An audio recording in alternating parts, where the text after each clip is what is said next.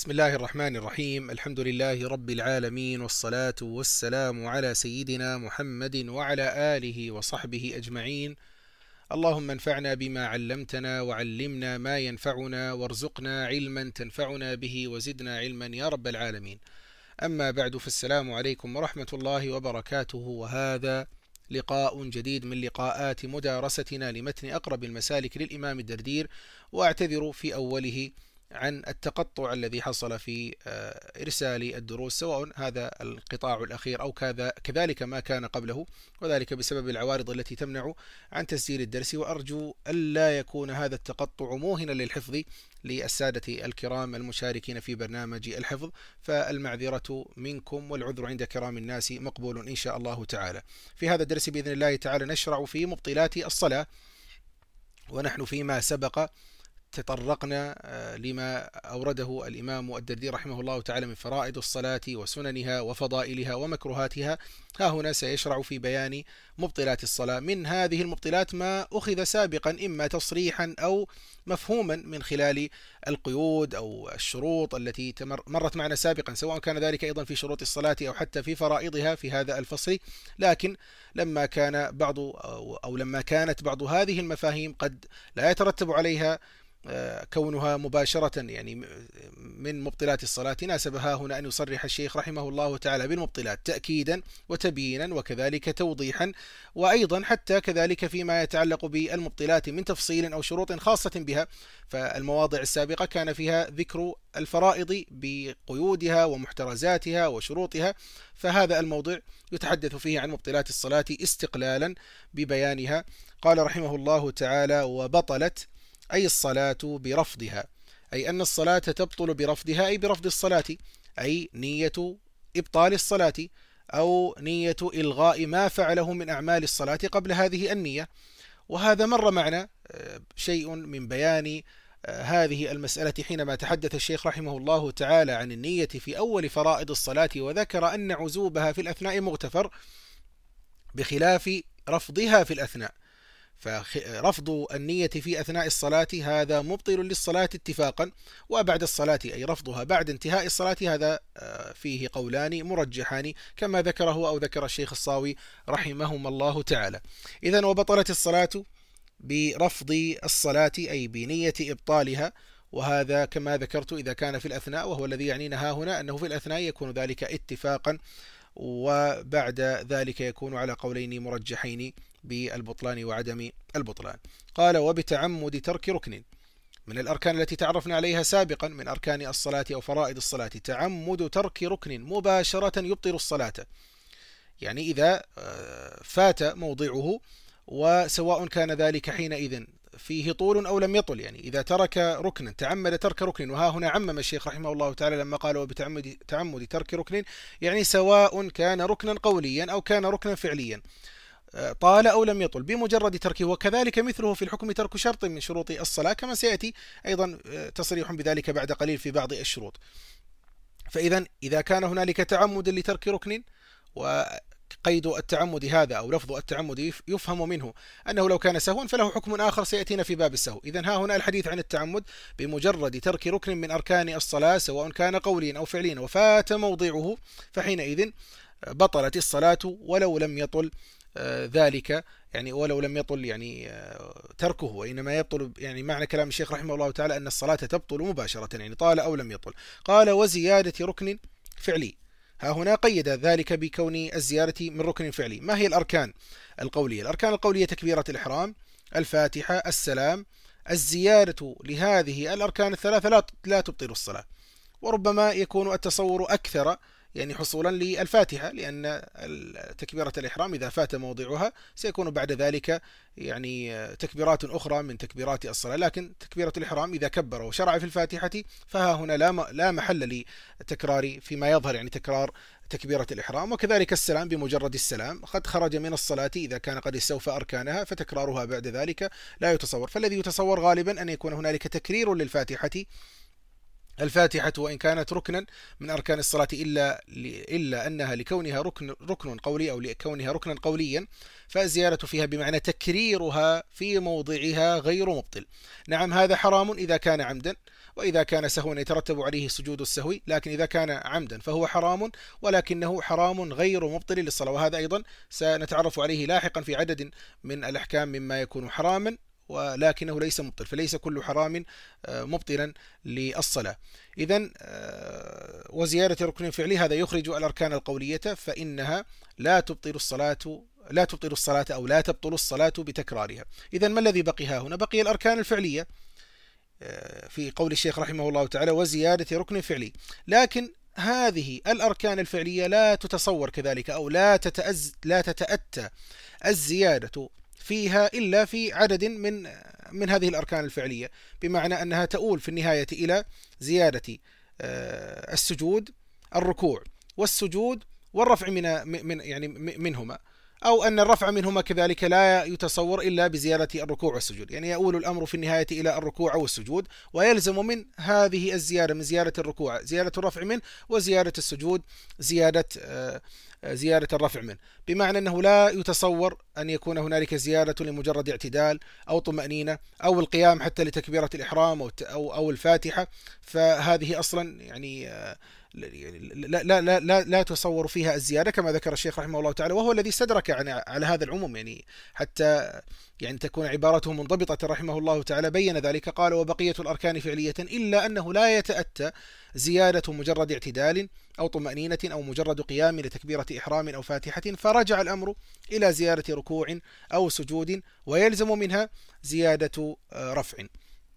قال بعد ذلك رحمه الله تعالى وأكل وشرب يعني أن التعمد ها هنا. طبعا آه، أيضا ذكره رحمه الله تعالى في الشرح آه، قوله وكذا تبطل بتعمد زيادة تشهد بعد الأولى أو الثالثة من جلوس.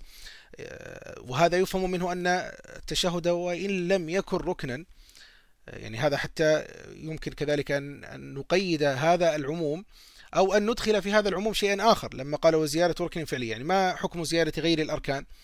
آه، إذا زيدت سنة على سبيل المثال. قال هو في الشرح وكذا تبطل بتعمد زيادة تشهد بعد الأولى أو الثالثة من جلوس. واستدرك الشيخ عليش رحمه الله تعالى هذه على هذه العبارة بقوله وفي الحقيقة المبطل جلوسه عقب الأولى أو الثالثة ولو لم يتشهد. لماذا هذا يعد مبطلا من المبطلات؟ آه، ربما مر معنا ذلك سابقا في شيء من الأحكام عرضا لأن هذا فيه إخلال بهيئة الصلاة. الجلوس آه، في بعد الركعة الأولى هذا إخلال بهيئة الصلاة لأنه لا موضع للجلوس ها هنا عندنا في المذهب. وكذلك الجلوس في الركعة الثالثة يعني في موضع القيام للركعة الرابعة. أو في موضع القيام للركعة الثانية. هذا فيه إخلال بهيئة الصلاة. لذلك المبطل ها هنا مجرد الجلوس ولو لم يتشهد كما استدرك ذلك الشيخ آه، عليش رحمه الله تعالى رحم الله تعالى الجميع. قال وأكل وشرب يعني من المبطلات كذلك تعمد الأكل ولو كان للقمة واحدة وبتعمد الشرب كذلك ولو كان هذا المشروب أو الشيء الذي شرب قليلا. كلاهما من مبطلات الصلاة. ولما قال الشيخ وأكل قال في شرحه يعني وبتعمد أكل ولو لقمة بمضغها. يعني ولو لقمة واحدة بمضغها. المضغ معروف ومفهومه هل يمكن أن يفهم منه أنها لا تبطل إن بلعها؟ يعني إن بلع هذه اللقمة بلا مضغ. ذكر الشيخ عليش رحمه الله تعالى هذا قال مفهومه لا تبطل إن بلعها بلا مضغ. وهذا أيضا مذكور ويناقش الفقهاء ها هنا هذه المسألة. وربما أيضا يقيسونها على ما يتعلق بأحكام الصيام أن ما أن بلع ما بين الأسنان. كذلك هذا ورد في المدونة أن ما أن بلع ما بين الأسنان آه، يعني بلا مضغ آه، ليس مبطلا للصلاة. لكن على كل حال الذي ذكره الشيخ رحمه الله تعالى الدردير ولو لقمة بمضغها يفهم منه أنه إذا بلعها بلا مضغ لا تبطل وقد ذكر ذلك الشيخ عليش ولم يستدرك. لكن الشيخ بناني رحمه الله تعالى استدرك ذلك ويعني ورأى أن هذا من الأفعال أو أنه يعني أن في ذلك فعلا كثيرا آه، يبطل الصلاة. إذا حتى فقط نفهم آه، السياق الذي فيه هذه المسألة أن الآن النقاش بين الفقهاء في كون ال يعني يعني لما قال إن بلعها بلا مضغ هل هذا يبطل أو لا يبطل؟ إنما هو يعني محال على كون هذا البلع ولذلك يذكرون يعني إذا كان يعني حبة تين ونحو ذلك أنه من الأفعال الكثيرة وليس من الأفعال اليسيرة. بمعنى أنه لو بلع شيئا يسيرا بلا مضغ أو آه، يعني إذا بلع شيئا يسيرا بلا مضغ فهذا لا يبطل الصلاة. لكن إذا كان هنالك شيء كبير فهذا قد عده الشيخ بناني رحمه الله تعالى من الأفعال الكثيرة. إذا وبتعمد أكل لما قال وأكل وشرب يعني بتعمد أكل أو بتعمد شرب ولو قل بل حتى لو كان مكرها على ذلك أو حتى كان عطشانا ويخشى على نفسه الهلاك فيجب عليه الشرب لإنقاذ نفسه ولكن الصلاة في هذه الحالة تبطل. قال وكلام لغير إصلاحها وإلا فبكثيره. الكلام ولو كان آه، كلمة واحدة يعني الكلام طبعا الأجنبي عن الصلاة ولو كان كلمة واحدة كان يقول مثلا نعم أو لا سأله أحد أو سأله ابنه أو أي أحد أيا كان هذا الشخص الذي سأله وكان هذا الجواب طبعا كلام أجنبي وكان لغير إصلاحها وكلام لغير إصلاحها يعني أولا قيد كلام أن يكون هذا الكلام أجنبيا ولغير إصلاحها قال وإلا فبكثير. يعني أنه إذا كان لإصلاحها فإنه لا يبطل. لكن هذا أيضا مقيد بأن يكون هذا الكلام لإصلاح الصلاة قليلا. وإلا فإذا كان كثيرا فإنه يبطل. إذا كثر الكلام يعني لإصلاح الصلاة. عندنا حالتان ها هنا أو حكمان. الكلام لغير إصلاحها مبطل ولو كان قليلا. هذا هذه مسألة. طيب الكلام لإصلاح الصلاة لا يبطلها إلا إذا كان قليلا فإذا كان كثيرا فإنه يبطل. لذلك قال وإلا فبكثير يعني وإلا بأن كان لإصلاحها فبكثيره يبطل يعني بمعنى ذلك أن الكلام لإصلاحها القليل أو أن الكلام القليل لإصلاحها لا يبطل. ما هو الحد؟ للقليل والكثير. ما جاء في قصة ذي اليدين كما ذكر ذلك فقهاء وهي القصة المعروفة أن النبي صلى الله عليه وسلم سلم من اثنتين فقال له ذو اليدين أقصرت الصلاة أم نسيت يا رسول الله؟ فهذا ال ال الكلام الذي كان بين النبي صلى الله عليه وسلم وبين ذي اليدين وسأل النبي صلى الله عليه وسلم الصحابة ليستوثق. الشاهد هنا مثل هذا الكلام الذي قد يكون بين الإمام وبين المأموم أو أحد المأمومين يعني وبين الإمام. مثلا أن يسلم الإمام من اثنتين أو أن يقوم لخامسة مثلا. أو حتى أن يقوم لركعة و آه، سهى عن سجدة ترك سجدة فسبح له المأموم سبحان الله سبحان الله. هذا هو المطلوب منه ابتداء أن يسبح له المأموم وأن يقول له سبحان الله سبحان الله. الإمام لم يفهم المطلوب فيسبح له المأموم مرة أخرى. ثم إذا لم يفهم يجوز له أن يقول سجدت واحدة. هذا من الكلام القليل الذي يجوز ولا يبطل الصلاة.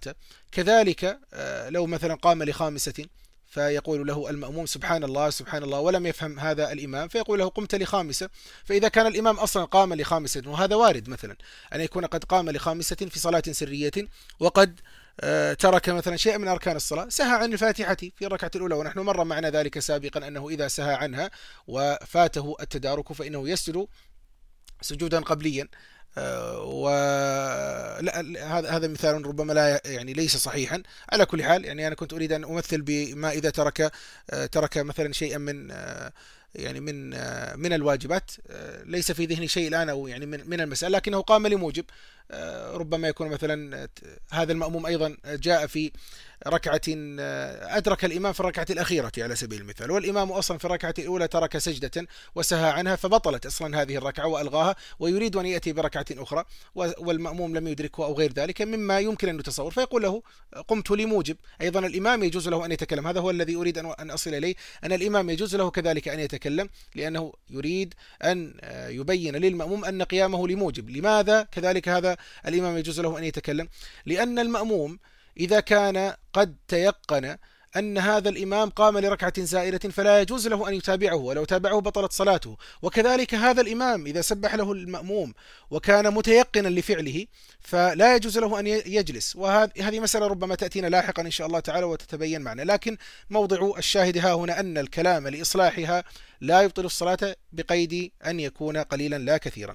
قال رحمه الله تعالى وتصويت لما قال وكلام يعني وبتعمد كلام. كذلك التصويت. الكلام واضح أن يكون فيه حروف وكلام ولو كان يعني بحرفين آه، أو, نحو ذلك. لكن التصويت ها هنا أن يكون يعني معناه أن يكون خاليا عن الحروف. يعني أن يخرج صوتا كصوت الغراب أو صوت مثلا شيء من الحيوانات أجلكم الله أو صفير. هذا وإن كان خاليا من الحروف لكنه آه، يعني أو لكن فقهاءنا رحمهم الله تعالى جعلوه في آه، يعني في معنى الكلام فلذلك أبطلوا به الصلاة. قال ونفخ يعني بتعمد نفخ بالفم. هذا أيضا مشابه للتصويت يعني أن فقهاءنا رحمهم الله تعالى جعلوه في معنى الكلام وجعلوه مبطلا من مبطلات الصلاة. ولكن ها هنا ونفخ يكون بالفم لا بالأنف.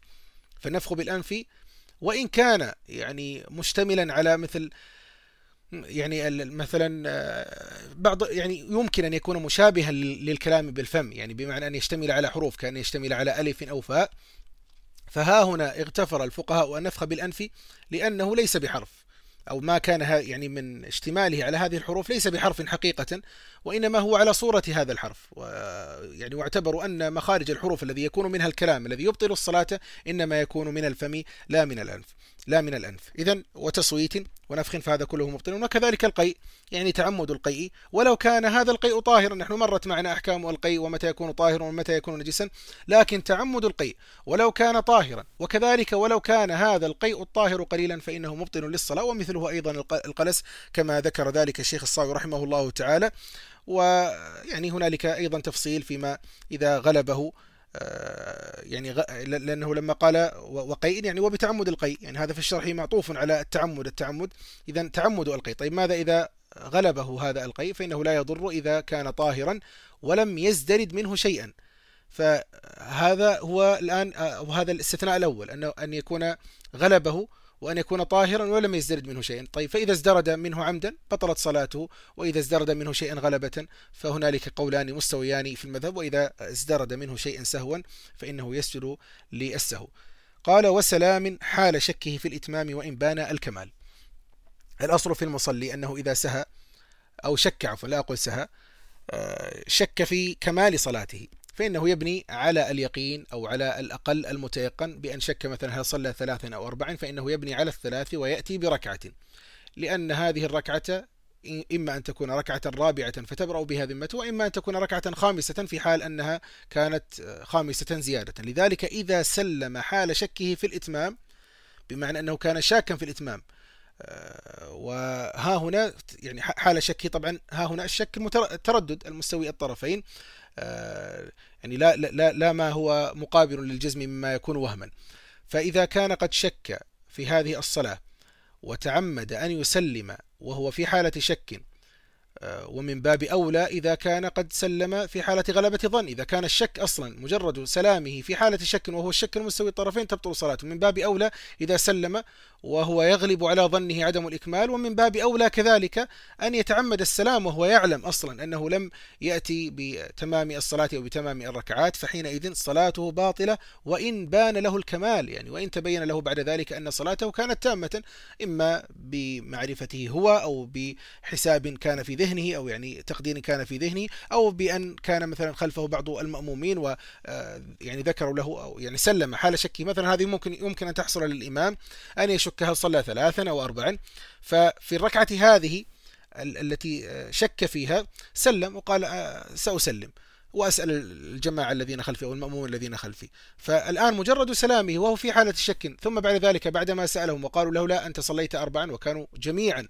مطبقون أو كانوا جميعا مطبقين آه، على أنه صلى أربع ركعات فصلاته باطلة في هذه الحالة لأنه سلم في حال الشك فحينئذ. إذا شك فعليه أن يأتي بركعة آه، يعني زائدة تبرأ بها ذمته.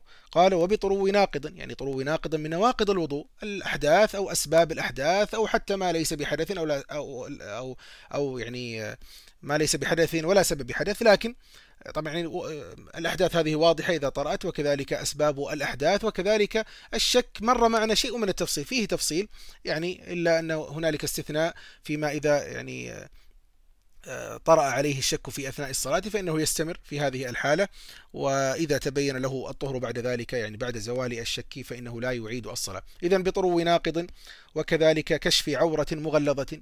العورة المغلظة تعرفنا عليها سابقا في فصل شروط الصلاة وهي التي تبطل الصلاة بانكشافها. وقد ذكر ذلك أصلا يعني هذه الأشياء التي الآن يبينها الشيخ آه، تكون مفهومة ضمنا يعني طرو الناقض. لا فرق في وجود الناقض قبل الدخول في الصلاة وكذلك أثناء الدخول في الصلاة لأنه مانع والمانع هذا مانع من يعني من صحة الصلاة. لكن الشيخ ها هنا يبين هذه الأشياء أن يعني طرو هذا الناقض يلزم منه كذلك بطلان الصلاة. يعني سواء أيضا وأيضا يمكن أن نفهم كذلك من طرو الناقض يعني طروؤه بمعنى حدوثه أو كذلك حتى آه، أو حتى تذكره يعني بمعنى أنه كان أصلا محدثا قبل الصلاة. وهذه المسألة يتفرع عنها ما سيأتينا لاحقا أن كل صلاة بطلت على الإمام بطلت على المأموم إلا في مسائل من بينها هذه المسألة وهي آه، يعني طروه يعني بمعنى غلبته وكذلك آه، وكذلك نسيانه. وهنالك أيضا حالات تستثنى من هذه الحالة وتبطل فيها الصلاة إذا كان الإمام يعلم وكذلك بعض المأمومين ولا نفصل في ذلك حتى لا نخرج عن السياق. قال وبطرو وكشف عورة مغلظة يعني بطرو كشف عورة مغلظة بمعنى أنها انكشفت أثناء الصلاة. هذا أيضا واضح. قال ونجاسة يعني بطرو نجاسة. النجاسة إزالة النجاسة من شروط صحة الصلاة مع الذكر والقدرة فإذا سقطت عليه نجاسة يعني طرأت عليه الآن. لا نتحدث عن آه، ذكرها لا, لا نتحدث عفوا عن وجودها قبل الصلاة ثم تذكرها أثناء الصلاة فهذا تجري فيه القيود السابقة. الآن الشيخ يتحدث عن طرو النجاسة أثناء الصلاة وهذا أيضا مر معنا سابقا وعلمنا أنه يبطل الصلاة بقيدين إذا يعني يعني طرأت عليه النجاسة أو سقطت عليه أثناء الصلاة وتعلقت به أو استقرت عليه يعني تعلقت به شيء يعني شيء من آثار النجاسة أو استقرت عليه. وهذا كذلك القيد المبطل للصلاة أيضا وراءه قيود أخرى بمعنى أنه إذا علم بهذه النجاسة يعني علم بسقوطها عليه أو طروها عليه وقد علق منها شيء وكان الوقت متسعا لإزالتها وإيقاع الصلاة بعد ذلك وكذلك لم يكن من يعني من, من لم تكن عفوا من النجاسات المعفو عنها فحينئذ تبطل الصلاة وإلا فلا تبطل. وهذا مر معنا لكن ذكره للشيء أو ذكر الشيخ رحمه الله تعالى له يعني أعادنا لشيء من تذكر تلك المسألة في موضعها بقيودها. قال وبفتح على غير الإمام يعني أن يفتح على على غير إمامه بالقراءة يعني إذا نسي الإمام توقف الإمام أثناء القراءة. طبعا بفتح على غير الإمام هذا أولا يصدق على المنفرد أن يكون أن يكون المصلي منفردا فيفتح على غيره لأنه أصلا يعني هو لا يعني هو هو الآن منفرد ليس إماما ولا مأموما الآن وكذلك صادق على الإمام نفسه.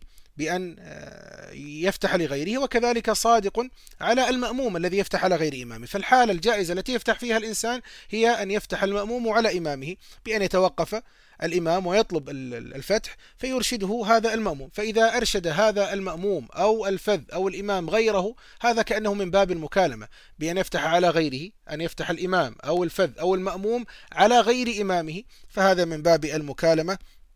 ف يعني هذا يبطل الصلاة. أما كما ذكرت إذا فتح المأموم على إمامه فحتى لو كان ذلك في غير الفاتحة الفاتحة الفتح فيها واجب حتى تصح الصلاة. لكن حتى لو كان غير الفاتحة كانت أو كان الفتح غير في غير الفاتحة فإنه لا يبطل الصلاة لأنه يعني داخل في إصلاحها كما ذكر فقهاؤنا.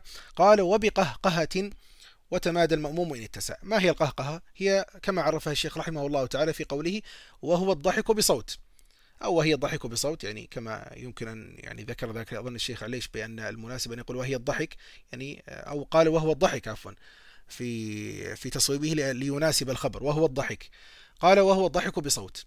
الضحك بصوت هذا القيد في قوله بصوت هذا أو هذا فصل مخرج للتبسم لأن التبسم لا يبطل الصلاة بتلقائه وإنما يبطله إذا كان التبسم كثيرا لأنه حينئذ سيخرج أو سيدخل في معنى الأفعال الكثيرة المبطلة للصلاة لأن الناظر لهذا المبتسم ابتساما كثيرا يخيل إليه أن هذا المصلي ليس في صلاة. إذا عندنا القهقه هي الصوت أو الضحك بصوت. طيب هذه القهقه الآن عندنا فيها حالتان. آه، لا بد أن نفرق فيها أو نفرق بينهما. أولا الحديث ها هنا أن القهقهة مبطلة. هذا مستوى أول لا بد أن الآن نتجاوزه. أن القهقهة مبطلة للصلاة. الآن نحن نتحدث عن حالات إما أن تكون القهقهة وقعت لفذ أو إمام أو مأموم. القهقهة هذه مبطلة كما ذكرت لجميع هؤلاء المصلين. لكن الآن بمجرد وقوع القهقهة أو حصولها من الفذ أو الإمام هذا يقطع مباشرة. الفذ والإمام. إذا وقع منهما قهقهة, هذا الواحد منهما. يقطع صلاته ويستأنفها مطلقا كما ذكر الشيخ رحمه الله تعالى في قوله فإن كان فذا أو إماما قطع واستأنف صلاته مطلقا. ما معنى مطلقا؟ قال هو سواء وقع منه اختيارا أو غلبة أو نسيانا لكونه في صلاة. إذا نتجاوز الفذ والإمام. ماذا عن المأموم؟ المأموم هذا صلاته باطلة أصلا لكن يترتب عليه حكم ها هنا وهو وجوب التمادي. فإذا الصلاة باطلة حتى نفهم السياق. قال وبقهقهة وتمادى المأموم. يعني أن غير المأموم أصلا وهو الفذ أو الإمام لا يتمادى وإنما يقطع الصلاة. قال وتمادى المأموم. يعني أنه يتمادى وجوبا على صلاة باطلة مع إمامه. يعني هو الآن صلاته باطلة ويجب عليه أن يتمادى في هذه الصلاة الباطلة مع إمامه. لماذا؟ علل ذلك الشيخ رحمه الله تعالى بقوله لأنه من مساجين الإمام. هذه هي علة التمادي. يعني أن الصلاة باطلة وهي في الوقت نفسه يجب عليه أن يتمادى في هذه الصلاة الباطلة. طيب لماذا هو من مساجين الإمام؟ قال نظرا للقول بعدم بطلانها. هذه علة العلية إذا يعني أردنا أن نعبر بتعبير الفقهاء. يعني هو من مساجين الإمام نظرا للقول بعدم بطلانها يعني أن هنالك قولا في المذهب بعدم بطلان الصلاة. طبعا إذا كان الضحك غلبة أو نسيانا. هذا هو المقصود الذي سيبينه بعد قليل لما قال الشيخ غلبة أو نسيانا. إذا هذه الحالة الآن يجب على المأموم فيها أن يتمادى على صلاة باطلة. لكن متى يتمادى على صلاة باطلة؟ أيضا قيد ذلك الشيخ رحمه الله تعالى بقوله إن اتسع الوقت هذا قيد أول وكذلك أن تكون الصلاة بغير جمعة. وأيضا كذلك إن كان كله يعني كل الضحك الذي ضحكه من أوله إلى آخره غلبة أو نسيانا نقول هذا الآن قيد ثالث. طيب وإلا بين الآن المفهوم وإلا يعني بأن لم يتسع الوقت مثلا أو آه، كان في صلاة جمعة أو كان آه، كله مثلا عمدا آه، يعني كان يعني كان ضحكه ليس غلبة أو نسيانا وإنما كان عمدا أو اختيارا فحينئذ يقطع صلاته ويدخل مع مع إمامه مرة أخرى يستأنف صلاته من جديد مع الإمام. إذا عندنا ثلاثة قيود الآن هذه مفهومة من كلامه رحمه الله تعالى. وبقهقهة وتمادى المأموم. متى يتمادى؟ إن اتسع الوقت هذا رقم واحد. يعني بمعنى أنه إذا ضاق الوقت فإنه يقطع مباشرة ويستأنف صلاته مع الإمام. وكذلك إذا كانت هذه الصلاة بغير جمعة لأنها لو كانت في الجمعة فإنها ستفوت ويجب عليه أن يقطع الصلاة ويدركها مع الإمام. وكذلك إذا كان هذا الضحك كله كما قال الشيخ رحمه الله تعالى يعني من أوله هذا هو المقصود الضحك كله من أوله إلى آخره غلبة أو نسيانا. يعني غلبة غلبه الضحك أو نسيانا أنه نسي أنه في صلاة. فمفهوم هذا أنه إذا كان كل الضحك أو بعضه عمدا أو اختيارا يعني ضحك مثلا غلبة لكن أيضا هنالك بعد ذلك كان منه ضحك عمدا واختيارا فإنه حينئذ يقطع الصلاة. قال وإلا مفهوم هذه القيود الثلاثة قطع ودخل مع إمامه. أيضا هنالك قيدان زاد أحد أحدهما الشيخ الدردير في شرحه بقوله يعني أيضا وهذا يعني نقول هذا القيد الرابع ما لم يكثر جدا. لأنه إذا كثر هذا الضحك ولو كان غلبة ونسيانا وكذلك آه، يعني آه، كان الوقت متسعا آه، إذا يعني كثر هذا الضحك جدا فحينئذ سيبطل الصلاة قطعا اتفاقا عند فقهائنا لماذا؟ لأنه دخل في جملة الأفعال الكثيرة التي تبطل الصلاة وهذا سيأتينا لاحقا وزاد الشيخ الصاوي رحمه الله تعالى كذلك قيدا آخر وهو ألا يلزم من ضحكه تمادي أو من تماديه على ضحكه ضحك المأمومين. يعني نقول المأمومين المأمومين آه، جميعا أو بعضهم.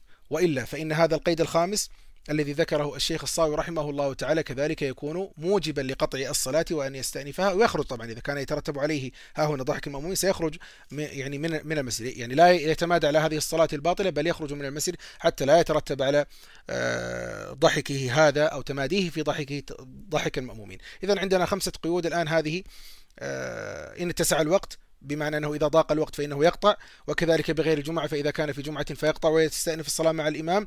إذا كان ضحكه كله غلبة أو نسيانا فإذا كان عمدا اختيارا يقطع ويستأنف مع الإمام. وكذلك كما ذكرت ألا يلزم ما لم يكثر جدا فإذا كثر جدا فيقطع كذلك. وأيضا ألا يترتب أو لا يعني أو لا يترتب على تماديه في ضحكه ها هنا أو في الصلاة عفوا. آه، وضحكه بعد ذلك ضحك المأمومين. آه، وذكر الشيخ صاوي أيضا مسألة هنا لما تحدث عن القهقهة وأنها صوت آه، ضحك بصوت قال أما التبسم فلا شيء فيه إذا قل ويكره تعمد التبسم وإذا كثر أبطل مطلقا. كثر لماذا؟ أو لماذا أبطل إذا كثر؟ لأنه دخل في الأفعال الكثيرة التي تبطل الصلاة. بذلك نكون يعني أتينا على جزء من هذه المبطلات ونكمل بإذن الله تعالى بقيتها في درس مقبل والحمد لله رب العالمين وصلى الله وسلم وبارك على سيدنا ونبينا محمد.